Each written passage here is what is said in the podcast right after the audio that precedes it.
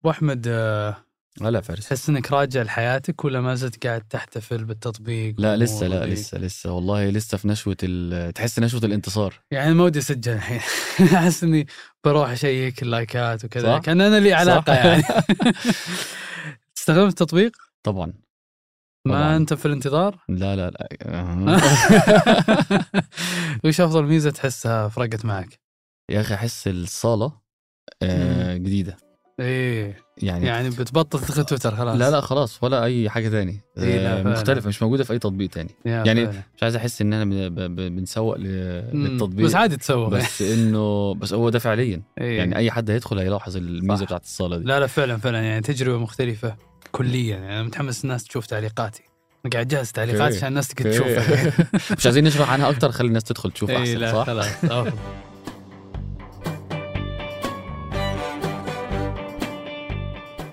ده بودكاست الفجر من ثمانية. بودكاست فجر كل يوم نسرد لكم فيه سياق الأخبار اللي تهمكم. معكم أنا شهاب سمير. وأنا فارس الفرزان.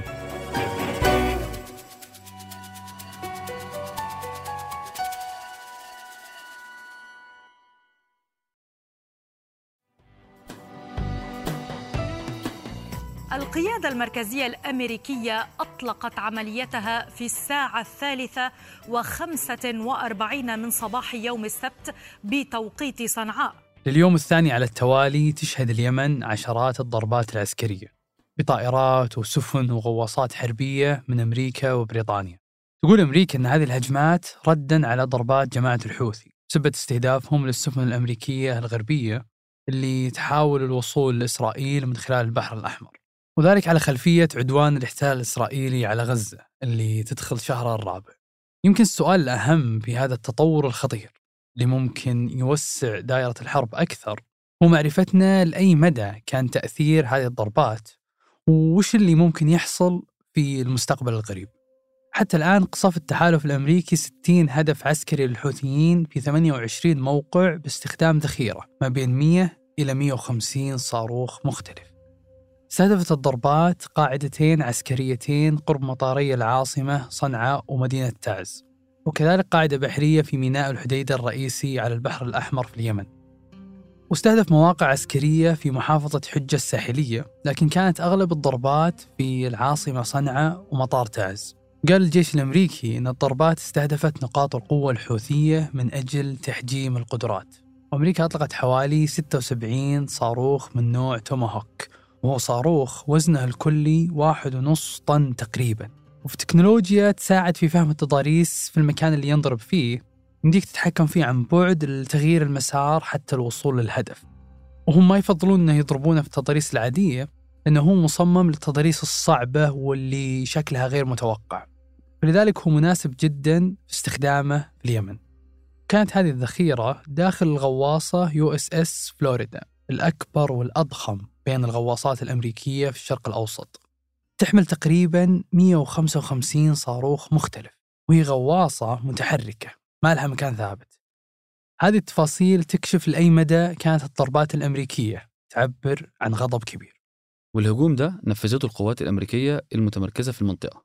بشكل عام بينتشر ما بين 40 ألف و 60 ألف جندي أمريكي في نطاق عمل القيادة الأمريكية في الشرق الأوسط. والقوات دي متوزعة على 21 دولة. من أول مصر غربا إلى كازاخستان في الشمال الشرقي. بتقول أمريكا إنها لأغراض التدريب والمشورة وخدمة القواعد الأمريكية. وحافظت أمريكا على وجود كل ده في الشرق الأوسط منذ إنشاء الأسطول الخامس بالإضافة إلى اثنين من حاملات الطيارات بمجموعاتها القتالية اللي بيتم تجهيزها بآلاف الأفراد.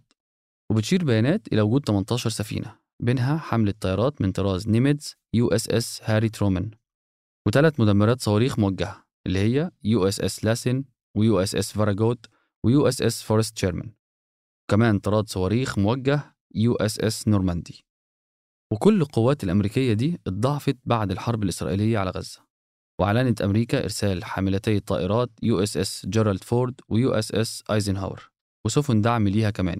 وتقريبا نحو 2000 من مشاة البحرية غير بطاريات ثاد وبطاريات إضافية من نظام باتريوت. وأمر البنتاجون أيضا بإرسال طيارات حربية إضافية لدعم أسراب طيارات A-10 و F-15 و F-16 اللي موجودة في الشرق الأوسط. بالرغم من كل هذه القوة أمريكا أعلنت قبل الضربة على اليمن مباشرة أن خروجها العسكري كان بالتعاون مع عدد من الدول. تبدو هذه أنها عادة تستخدمها أمريكا آه، كغطاء دولي لعدم المساءلة فيما بعد. وعلى رأس حلفائها هذه المرة كانت بريطانيا. ويمكن هذا يكون هو السبب الخفي لأنها ما وافقت أنها تبيع صاروخ توماهوك لأي دولة ثانية إلا بريطانيا. وأطلقت بريطانيا أربعة صواريخ. وقال وزير الدفاع البريطاني أن القوات البحرية البريطانية والأمريكية صدت أكبر هجوم إلى الآن للحوثيين في اليمن على السفن في البحر الأحمر. في جانب بريطانيا كان في أستراليا وكندا وهولندا. المثير للتساؤل كان مشاركة دولة البحرين في التحالف. ممكن أحد يسأل ليش تشارك البحرين؟ خصوصا مع خروج المتحدث باسم الحوثيين ويقول أن الضربة أمريكية وأن كل الدول اللي قيل أنها شاركت بما فيها البحرين ما شاركت عسكريا. حتى نجاوب على الموضوع هذا نحتاج نعرف أن الأسطول الخامس الأمريكي وقيادة القوات البحرية المشتركة موجودة في البحرين. وقبل أن يوضح حجم الضربات الأمريكية والبريطانية فجر الجمعة نشرت وزارة الخارجية السعودية بيان أعربت فيه عن القلق البالغ. داعية لضبط النفس وتجنب التصعيد. شيء عجيب أن الأحاديث الغربية قبل سنوات قليلة كانت تلوم السعودية على التدخل العسكري مع الحوثيين في اليمن. بينما تؤيد هذا الأمر الآن لأنها اكتشفت إلى أي مدى يعطل الحوثيين والملاحة البحرية والتجارة الدولية في البحر الأحمر. والأعجب من ذلك أن توقيت هذه الضربات الأمريكية جاء بعد أن توصلت الأمم المتحدة وبدعم سعودي إلى خارطة طريق لإنهاء الحرب في اليمن.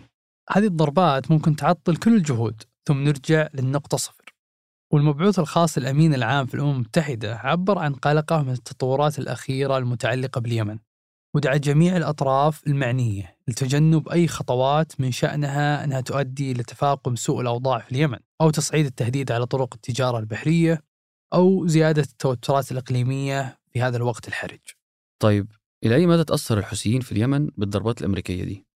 أولا بيمتلك الحوثيين صواريخ بر بحر عاصف 2 وصاروخ المندب 2 ودي صواريخ هيل فاير أرض جو عادية إلى جانب الصواريخ البالستية وكمان عندهم طيارات مسيرة وزوارق حربية مفخخة. لكن على مستوى الأسلحة القوة طبعا لأمريكا بس في عوامل تانية بتساهم في حسم الموضوع. الحوثيين بيسيطروا على الشمال الغربي لليمن كلها. يعني ببساطة المسافة بينهم وبين حدود فلسطين 2200 كيلو متر دي المسافة اللي بيخرج منها الحوثيين لتوجيه ضربات على الجانب الإسرائيلي أو لاستهداف السفن اللي جاية. وهي ببساطة مسافة كبيرة جدا على استهدافها مرة واحدة خصوصا مع التضاريس الصعبة اللي في اليمن. كمان الحوثيين قريبين من مضيق باب المندب اللي بيربط المحيط الهندي بقناة السويس. وعموما اقتصاد إسرائيل بيعتمد غالبا على التجارة البحرية اللي أصبح شبه محاصر. وتعهدوا الحوثيين بالانتقام ومواصلة هجماتهم على السفن.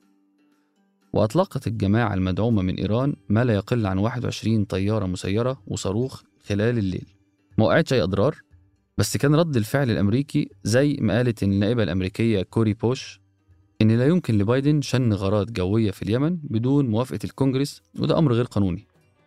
وبينتهك المادة الأولى من الدستور. وهناك انقسام عموما في التدخل الأمريكي في اليمن وتوسيع دائرة الحرب المتوقع.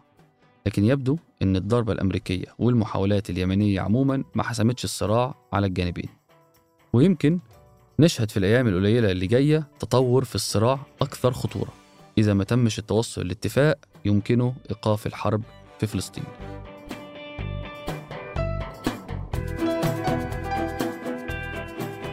وقبل ننهي الحلقة هذه أخبار على السريع.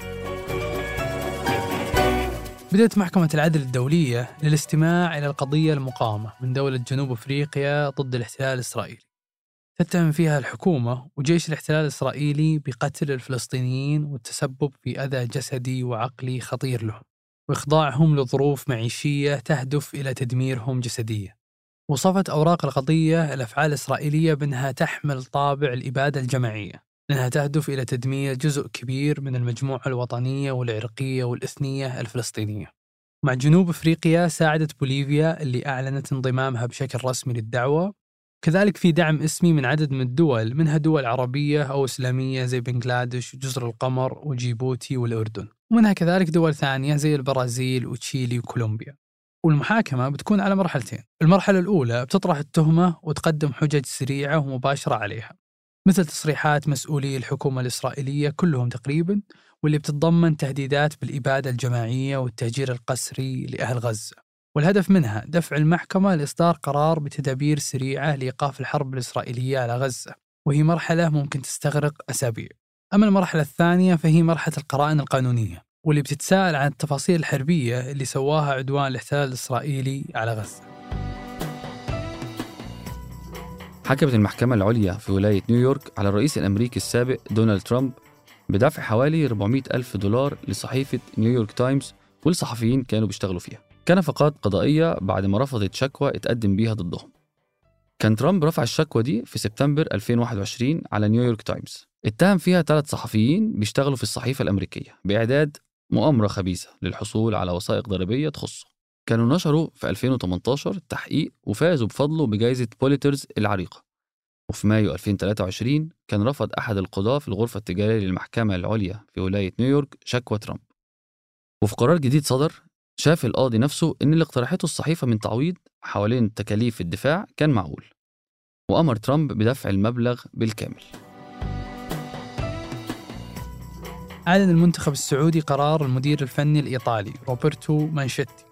استبدال ثلاث لاعبين في القائمة اللي بيشارك فيها في منافسات بطولة كأس أمم آسيا. وأوضح المنتخب أن مانشيني ضم محمد البريك وطلال الحاجي ومحمد اليامي للقائمة النهائية لكأس آسيا بدال أيمن يحيى وعباس الحسن ونواف العقيدي.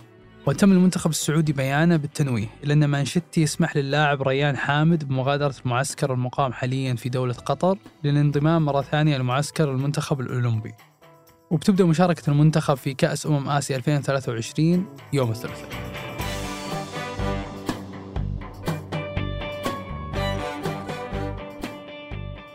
أنتج هذه الحلقة حسام الخولي وقدمتها أنا فارس الفرزان. وأنا شهاب سمير. وحررها تيسير قباني. نشوفكم بكرة الفجر.